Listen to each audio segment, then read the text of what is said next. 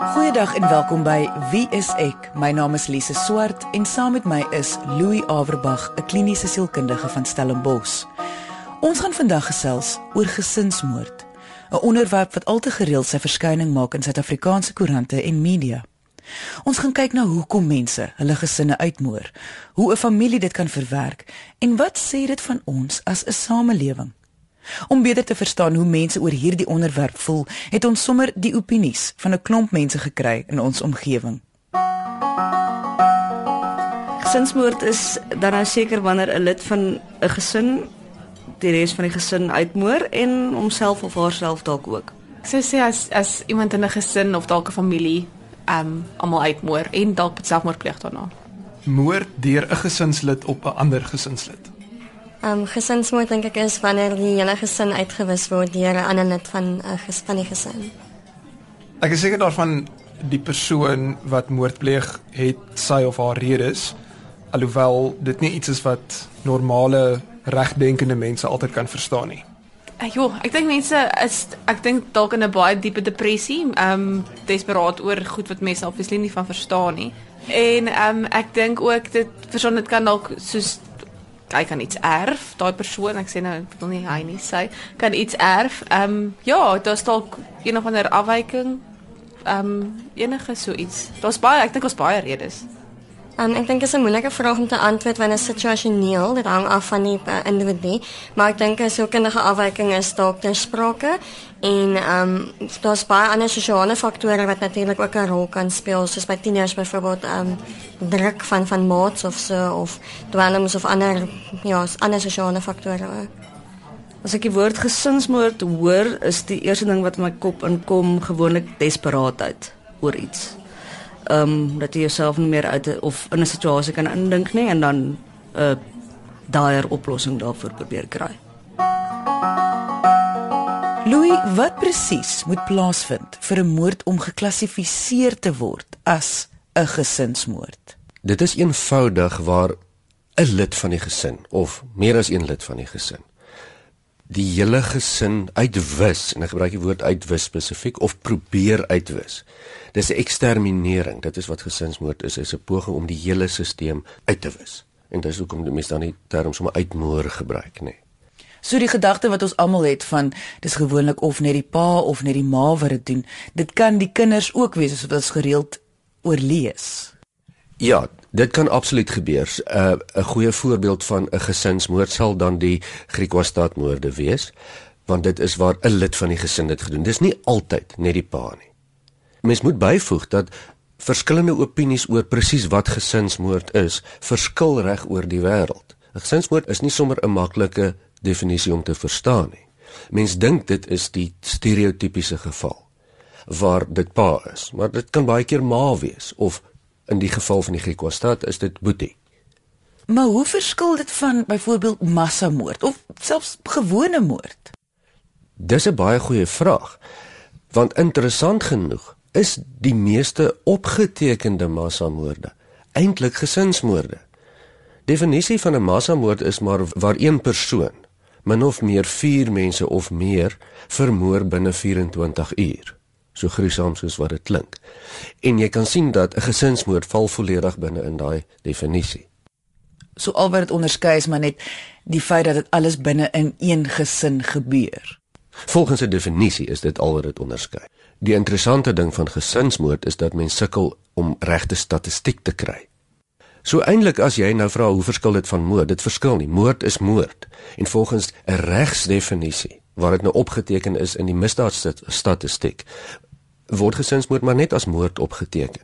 So dit maak dit nog moeiliker om regtig statistiek te hou. Tog in baie gevalle neem die persoon wat die moord nou pleeg of die gesinsmoord ook hul eie lewe. So is dit waar dit ook 'n pro probleem raak met die klassifisering daarvan is van dit val tog dan onder selfdood. Jy is heeltemal reg. Want dit is 'n vorm van selfdood. Die mees bekende gevalle veral in Suid-Afrika is die vorm van wat mense sou noem selfdoodgesinsmoord waar uh, die hoof van die gesin of die ouers van die gesin die hele gesin uitwis en dan hulle eie lewens of sy of haar eie lewe neem. Dit sal dan eintlik maar 'n vorm van selfdood ook wees. Saam met moord natuurlik.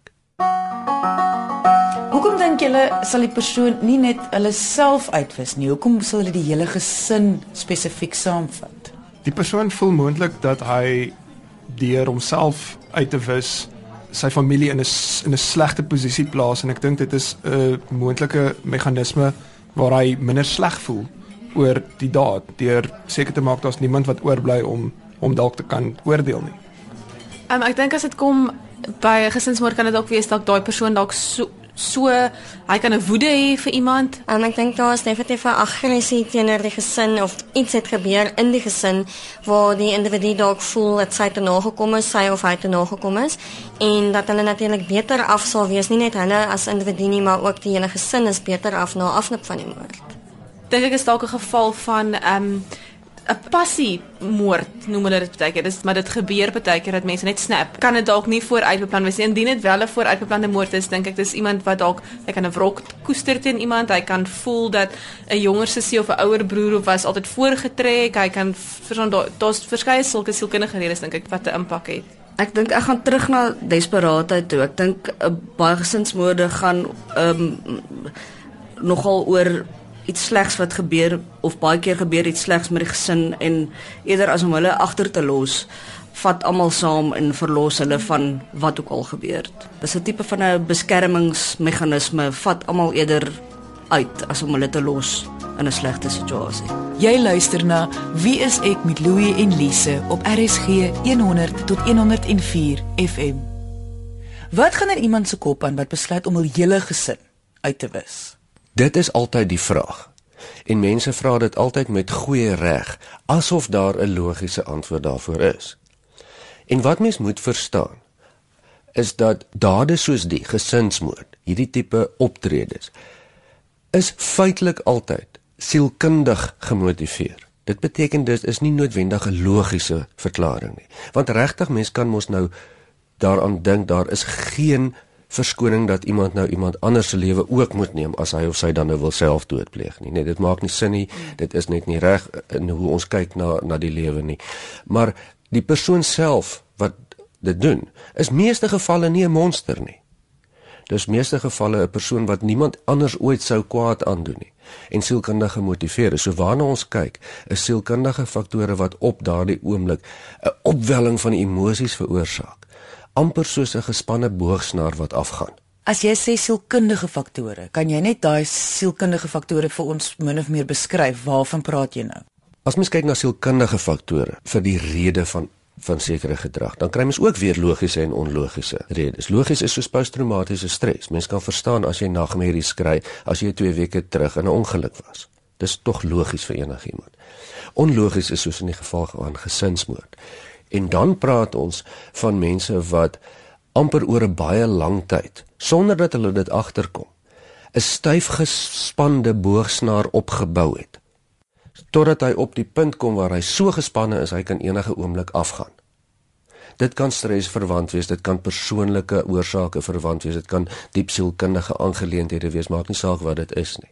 As daardie boogsnaar gespan is, dan sy gespan en dan kan gewoonlik stresfaktore soos finansiële omstandighede of argumente of huweliksprobleme dit baie maklik laat afgaan.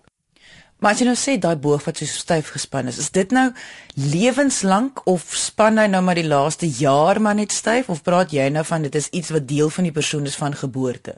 Hierdie is 'n baie interessante ding. Dis gewoonlik 'n ding wat baie lank kom, maar wat gewoonlik onbewus vasgevang is die kapasiteit om te kan afgaan om te kan reageer op so 'n manier is 'n ding wat onbewuslik opgebou word deur die jare veral in die kinderjare. En daai kapasiteit kan dan daar sit en wag om oor 30 jaar af te gaan of oor 10 jaar of nooit af te gaan nie afhangende van die omstandighede. En wat ek daarmee dan bedoel is nie almal is in staat om 'n gesinsmoord te kan pleeg nie. Baie mense is in staat maar dis nie te sê hulle sal nie. Dit hang van die sneller af. Ek dink daar is 'n sekere tipe mense wat dalk meer geneig sal wees tot so iets. Ek dink as iemand soos ons voorgepraat het dalk aan 'n baie diepe depressie ly, sulke dinge is makliker vir hulle want ehm um, ek kan sê hulle rasionaliseer dit meer makliker in hulle breine die die die aksie. Ehm um, maar ek is nie 'n kenner op die gebied nie, so ek kan nou nie definitief dit so sê nie, maar dis wat ek sou dink. Ek dink nie mens kan vooraf bepaal nie. Ek dink nie enige een van ons was al in 'n situasie wat jy so desperaat is dat jy so iets wil doen nie. So ek ehm um, hoop en bid dit gebeur nie met my nie, maar ek dink nie jy kan ooit vooraf weet of dit jou gaan oorkom of nie. Ek dink nie daar is enigiemand wat noodwendig uitgesonder kan word of uitgelig kan word nie. Ek dink in die regte omstandighede is enigiemand geneig om so iets te doen. Um ek dink ook nie individue word gebore met die idee dat hulle eendag 'n uh, gesinsmoord gaan pleeg nie, maar weer eens wil ek terugkom na die sosiale faktore wat ek dink as jy dit in ag neem met die individu se omstandighede, um kan jy voor dit plaasvind reeds identifiseer dat hier 'n moontlikheid is dat die kandidaat dit oordink of oorweeg of moontlik iets drasties kan doen. Ek wil tog net seker maak, maar as jy dan sukkel of jy het issues of sielkundige probleme of jou snaar is nou styf getrek. Hoekom moet jy dan almal in jou gesin doodmaak en nie net jouself nie? Hier kom die interessante ding in en dit hak dan weer aan wat by wat ek gesê het oor onlogiese verklaring. Feitelik al die navorsing, die bietjie wat daar is, wat gedoen is met mense wat gesinsmoorde oorweeg of probeer het onsuksesvol het gesê dat hulle doen dit om hulle gesinne te beskerm. Hoe onlogies dit ook al klink. Soos byvoorbeeld om hulle van die wrede wêreld te beskerm of van finansiële ruïnering te beskerm of spot of omstandighede. En hoewel dit nou nie logies is nie, kan mense dan verstaan dat mense oor die algemeen hulle gesinne wil beskerm. Die doel van gesinsbeskerming kom gewoonlik net by die ouers voor. In gevalle waar gesinslede soos broer of suster en 'n uh, uh, gesinsmoord toepas, het ons gewoonlik met baie baie swaar sielkundige onstabiliteit te doen in die seun self wat wat dan die die daad gepleeg het. Maar wat jy sê is oor die algemeen gaan dit oor beskerming, maar dit is juist die fout wat ek maak. Ek probeer nog steeds 'n logika daaraan sit. Dis reg. Moenie logiese verklaring soek nie. Die redes wat mense self gee oor waarom hulle dit wil doen, kan mens mos nou nie vertrou nie. Dit is sielkundige redes. Maar ons kan dan eerlik sê dat die meeste redes, hoe onlogies dit tog al klink, vir ouers om gesinsmoorde te pleeg, is beskerming. Ons praat vandag oor gesinsmoord. Hoekom dit gebeur? Wie doen dit? En hoe 'n familie so 'n reuse verlies kan verwerk? Indien jy die eerste helfte van die episode gemis het, kan jy na die pot gooi op RSG se webwerf gaan luister. Dit is rsg.co.za. Soek net vir wie is ek en kies 'n episode om na te luister volgens die uitsaai datum. Ons het die opinies van mense op straat gevra oor wat hulle dink veroorsaak gesinsmoord. Kom ons hoor wat hulle antwoorde was. As jy nou moes raai hoe sal so 'n persoon se lewe lyk of dit beskryf?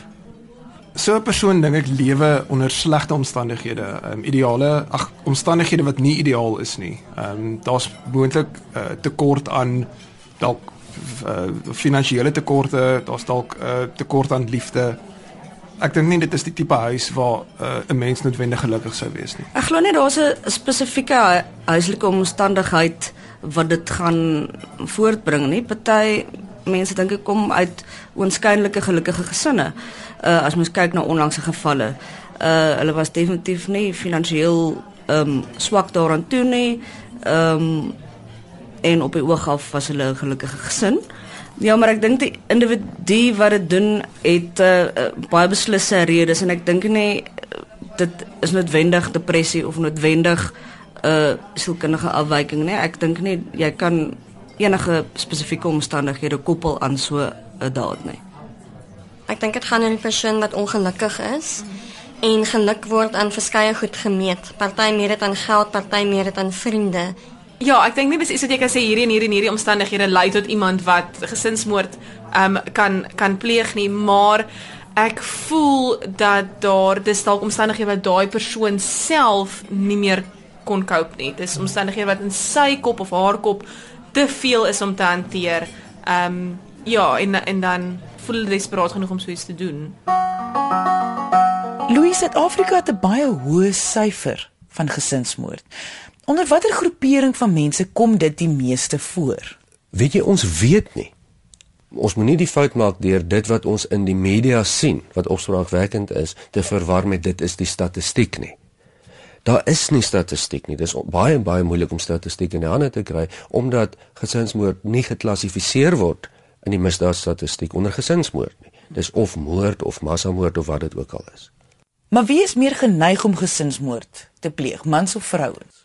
Mans. En baie interessant. Lyk dit asof die bietjie navorsing wat daar is wys net in lande waar mense dan gemaklike toegang tot vuurwapens het. In lande waar dit nie so is nie, kan mens nie regtig sê dat mans eintlik meer gesinsmoord pleeg nie, snaaks genoeg. Dit lyk asof jy maklike toegang tot 'n vuurwapen 'n geweldige rol speel. Baie meer as wat mens sou dink. Maar mens hoor tog ook, of miskien maak ek nou 'n fout wat jy sê wat mense in die media lees. Mens hoor so baie van 'n ma wat sukkel en besluit om haar kinders dood te maak en haarself. Ja, dit gebeur wel, maar dit gebeur baie minder as die bekende geval van die pa wat die hele gesin uitwis met die vuurwapen. Hoekom is die syfer so hoog in Suid-Afrika en dalk laer weer in ander lande? Ek bedoel, wat sê dit van ons as 'n samelewing dat dit 'n opsie is behalwe vir die maklike toegang na gewere? Weet jy, ons moet baie versigtig wees. Ons weet nie regtig of hierdie syfer regtig meer hoog is in Suid-Afrika nie. Dit is verseker nie hoër as in Amerika nie. Ek praat van per capita. Daar was 'n tydperk en dit was oor die oorgang hier in 94 die politieke oorgang wat dit 'n baie hoë verskynsel was, maar nou sien ons dat deur die eeue gesinsmoord voorkom in sulke tye van onsekerheid. Dit het in die Eerste Wêreldoorlog gebeur onder Japaneese en onder Duitsers. Dit het in die Tweede Wêreldoorlog gebeur. Dit gebeur gereeld. Um en gewoonlik waar daar onsekerheid in die sosio-ekonomiese politieke toestande is waar ouers voel en hier kom die beskerming weer in as dit sou sin maak op 'n onlogiese manier waar iemand voel goed ek wil my gesin eerder beskerm as om hulle uit te lewer aan wat ook al dan in die persoon se kop aangaan Um, ja, ek dink ek dink die mense eerste reaksie is seker maar skok. Ehm um, vir alles dit niggie, sê net maar dis 'n niggie of 'n neefie wat dit gedoen het en jy het soms hulle groot geword en is iemand wat jy gedink het jy ken. Ehm um, om dan ewe skielik te daai kant te sien en dit so na in jou te ervaar, dink ek moet nogals ehm um, ja, ek wou amper sê angswekkend wees, want dan ook dit gaan nou erg klink, maar toe toe hierdie geval nou um, uitgekom het in Stellenbosch, was dit so van jou eerste reaksie, my eerste reaksie wat ek gehoor het, verstaan, dis dalk nie iemand van buite nie is ehm um, okay, so dis sommer een of ander mal man wat op die loose is en nou is ek in my huis ook op ingevaar nie, verstaan? En dit is sleg, maar nou as dit iemand in jou gesin of jou familie is, dan kan hulle dalk teen jou ook draai.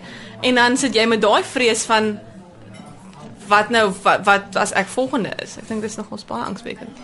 My eerste reaksie sal skok wees. 'n Mens dink natuurlik jy ken veral jou familie en miskien sê dit iets dat ons as mense mekaar nie werklik ken nie, dat ons nie werklik weet waartoe ons in staat is nie.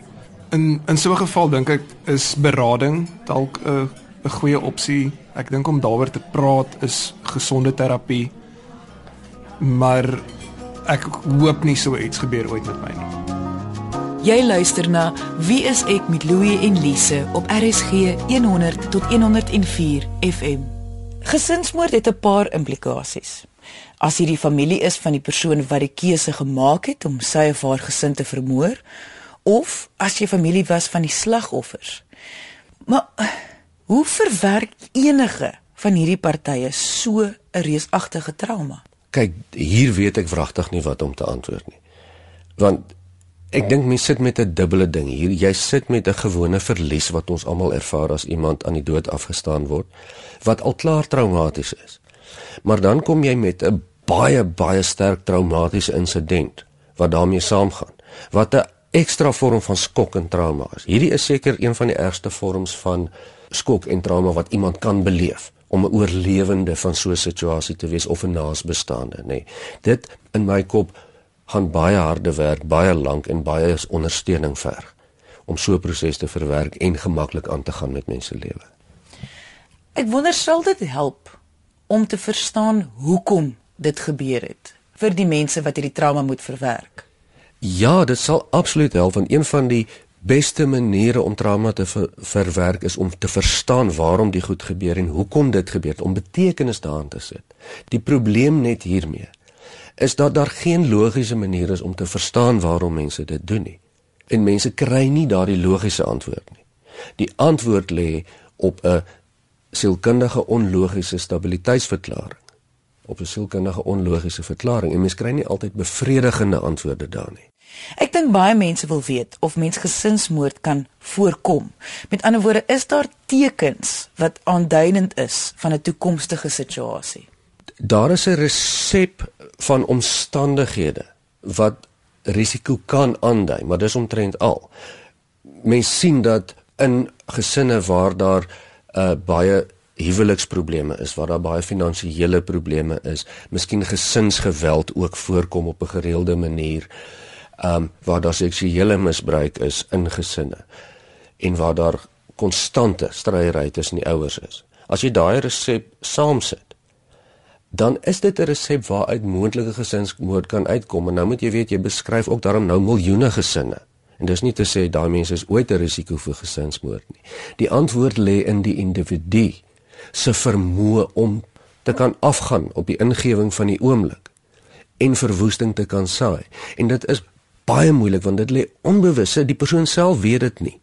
En dit kan slegs met baie goeie assessering, evaluering regtig vasgestel word voor die tyd. En dit is prakties net amper 'n saak van onmoontlikheid. So dit kom eintlik altyd, soos altyd, weer terug na die vraag: wie is ek? Dat mens moet die moeite doen en die kennis doen en die navorsing doen, nie net van jouself nie, maar ook van jou familie om presies al hierdie goeters te kan verstaan. Dit sal baie help. Um, mens dink altyd dit gaan nie met jou gebeur nie. Wat is die kanse? En ek dink in die geval waar dit wel moet gebeur met my gesin, sal ek regtig nie weet hoe om te cope nie. Ek sal nie weet waar om te begin en waar om wat om te glo en het ek dan nooit die mense geken nie. Um moet ek nie opgetel nie. Is die fout by my? Was die fout by hulle? Waar is die fout regtig? Um kan dit vererger? Kan een van die ander lede van die gesin dit van my gesin dit dalk doen? Um Ek dink daar sal geweldig baie gesprekvoering en dalk selfs berading moet wees vir almal wat agterbly. Wat dit natuurlik 'n baie groter saak maak as net die gesin wat nie meer daar is nie. Um so ek ek self weet nie of ek sal kan cope met so iets nie. Dit gaan geweldige spanning en druk op my en my gesin plaas wat weer 'n nuwe probleem veroorsaak. As mens kyk na die baie ongemaklike onderwerp van gesinsmoord, sit ons met die frustrasie dat ons nie regtig lekker definisies hiervan in ons kop het nie. 'n Gesinsmoord kan ook eintlik 'n selfdood wees, kan ook 'n wraaksugtige moord wees, kan selfs 'n massamoord wees. Daar's ook nie regtig statistiek wat mens betroubaar kan volg en te sê maar hoeveel keer kom dit voor nie. Wat is die risikofaktore nie? Dis 'n frustrerende ding. En ons weet dat dit verwoestende impak het op families en selfs op die samelewing as dit gebeur en ons aanvaar dat die verwerking van so iets as jy betrokke was of 'n oorlewende is, selfs verwant is, moet seker een van die moeilikste prosesse wees wat daar is. Omdat gesinsmoord dan een van die mees skokkende traumatiese uitbeeldings is van wat in ons samelewing kan aangaan. Ons besef dat die onderwerp gesinsmoord is 'n baie komplekse onderwerp en dat ons vandag net die basiese eienskappe van gesinsmoord bespreek het en dat hierdie situasie duisende mense in Suid-Afrika tans affekteer. So indien jy enige vrae oor vandag se onderwerp of enige ander onderwerp vir ons het, kan jy ons kontak deur ons webwerf. Dit is wieisek.co.za of deur RSG se webwerf. Dis rsg.co.za. Jy kan ook kom saamgesels op ons Facebookblad onder Wie is ek met Louie en Lise. Daar is ook hulplynnommers op daardie Facebookblad beskikbaar. Dankie dat jy vandag ingeskakel het. Ons maak weer so volgende Vrydag 12:30 net hier op RSG. Jy moet 'n heerlike naweek hê en onthou, kyk mooi na jouself.